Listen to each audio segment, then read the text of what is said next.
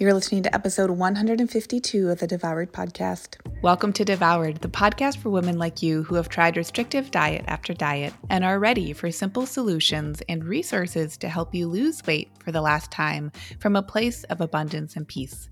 If you're looking to end the yo yo of comfort eating and rigid weight loss protocols and instead step into living your life on your terms while losing weight in the process, you're in the right place. All right, party people, welcome, welcome, welcome to the show. I am so very happy you are here every single time. Like, just, I need you to know it is an honor that each and every one of you are here. Like, y'all make this a podcast. So, thank you for being here. Today, we're talking about compassionate observation, and I want this to be a shorty, a little cutie of an episode. I do a couple of those here and there this work of losing weight in a way that is separate. I think of the dieting cycle. The dieting cycle is like a circle. It is so separate than the dieting cycle. It is simply a path to be on that does not loop back to itself. It might spiral, it might have parts of the path that look similar to other parts of the path, but it's not just walking in a circle over and over and over again. And so when I think about weight loss from this perspective, an absolutely huge part of this process is engaging with compassionate observation.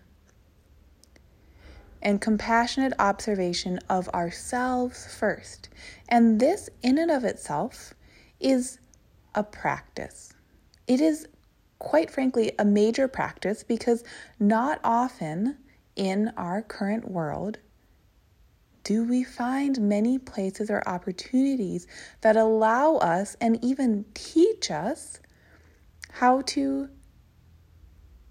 come home to ourselves from a place of compassionate observation. If you think about how many standard typical diets go, consciously or subconsciously, a lot of the diets go like, you know, just do the thing and then you'll get the thing you want, right? Eat this way and then you'll get what you want. And sometimes the diets are like, listen, that might take two weeks. And then sometimes the diets are also like, this will take longer than two weeks, right? They might be a little bit more based in reality. But often there's a complete dissonance and lack of instruction or support around the idea that you, as a human, deciding to change her habits, which is what weight loss is, it is a habit shift. By changing those habits that are tangible, the things you're doing, but also the intangible, the things you're thinking and feeling, that process for the long term truly only happens when it is coupled with compassionate observation. This is why we use the journal in the program. And this is why the journal, listen, I love that damn thing, but it it can be triggering. And not only can be can it be triggering by the fact that we might write in a really crummy day of food for ourselves and say like, well, it looks like an A plus diet to me. like I did it right. I made the perfect food list not only can we start to understand that, like, some of those behaviors aren't actually how we create a wonderful, beautiful life for ourselves, but the process of starting to come into relationship with how we treat ourselves, of turning the pages back, of using the weekend review page, and of actually saying, like, oh, wait a second, this is what this is about. It's not about having the perfect portioned plate and then get like giving myself a pat on the back about it. Like, yeah, like if I made myself a rad food filled day, awesome. We gotta we gotta celebrate that. This is great. But it's so much more about noticing. Am I allowing myself the space to notice my life? Without needing to run into judgment around it?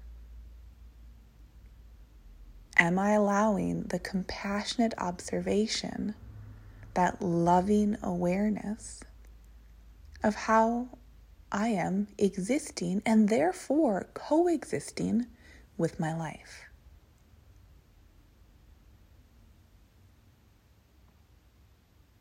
Learning about calories will help to a certain point, but beyond that, if we learn about calories from a place of like a lack of compassion, from a lack of observation, the only thing we're doing is pulling up an app and plugging in our numbers and treating ourselves like computers, of course we're going to learn from any action we take. So, of course, there's information to glean from that, right? That's why a lot of the diets work initially, because of course calories can have a place. Of course, using points instead of calories, like as a placeholder holder, of course that's gonna like there's gonna be some truth in all of this. That's why it's inherently confusing and overwhelming.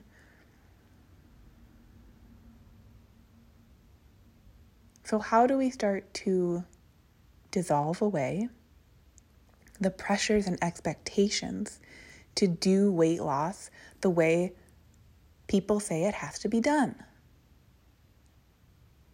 Well, that's going to dovetail and in, into exactly how you, beautiful, unique, special, individual you, decide that you want to live your life.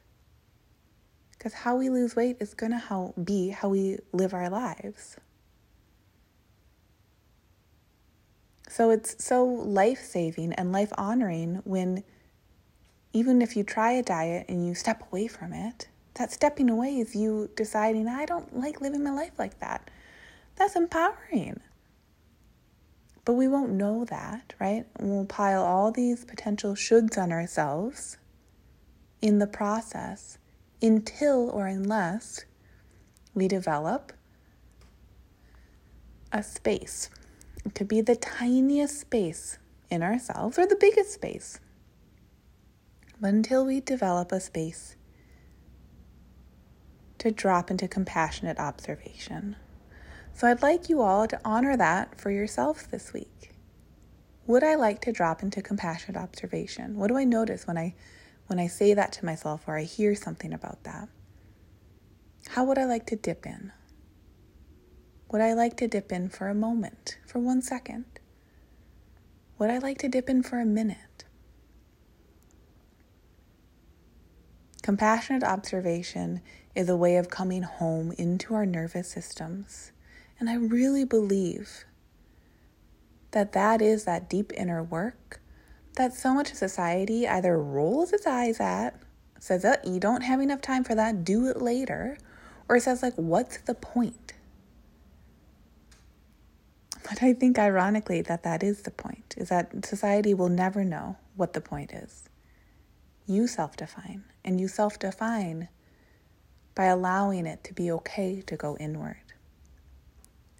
By allowing yourself to take stock of what you're noticing, and uh, by allowing all of that just to be. That is the practice. And now you do see that practice and with, with mindfulness, with meditation. There are, of course, this is not a new subject, but it's a bit of a twist on it because I just want all of you to see, and hopefully you do as you listen episode to episode, I want you all to see the ripple effect. How we're treating ourselves in this area of our lives, of course, will be similar to other areas. When we engage in a mindfulness practice in one area or another, or just generally, of course, that's going to ripple out. So this week, consider dipping in to compassionate observation just to see. There's no agenda to it.